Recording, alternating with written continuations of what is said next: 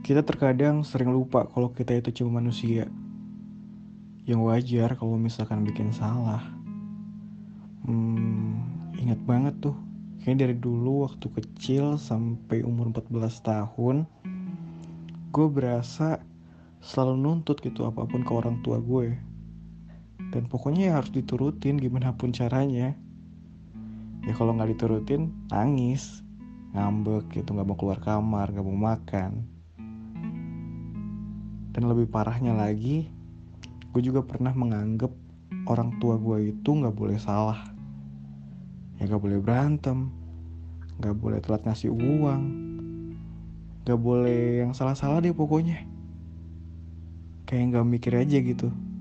Di balik hal itu ada apa? Dan gue juga inget waktu kecil gue pernah loh benci sama teman gue karena dia ngelangin barang gue ya kesel sedikit sih tapi menurut gue itu hal yang salah. Kalau sampai memutus silaturahmi gitu. Kita lupa gitu loh kalau misalkan ya mereka cuma manusia. Semakin dewasa kayak semakin berpikir. Nggak semua apa yang kita mau akan berjalan lancar-lancar aja. Salah pun nggak apa-apa sih. Karena salah setiap orang itu beda-beda. Tinggal bagaimana kita memakluminya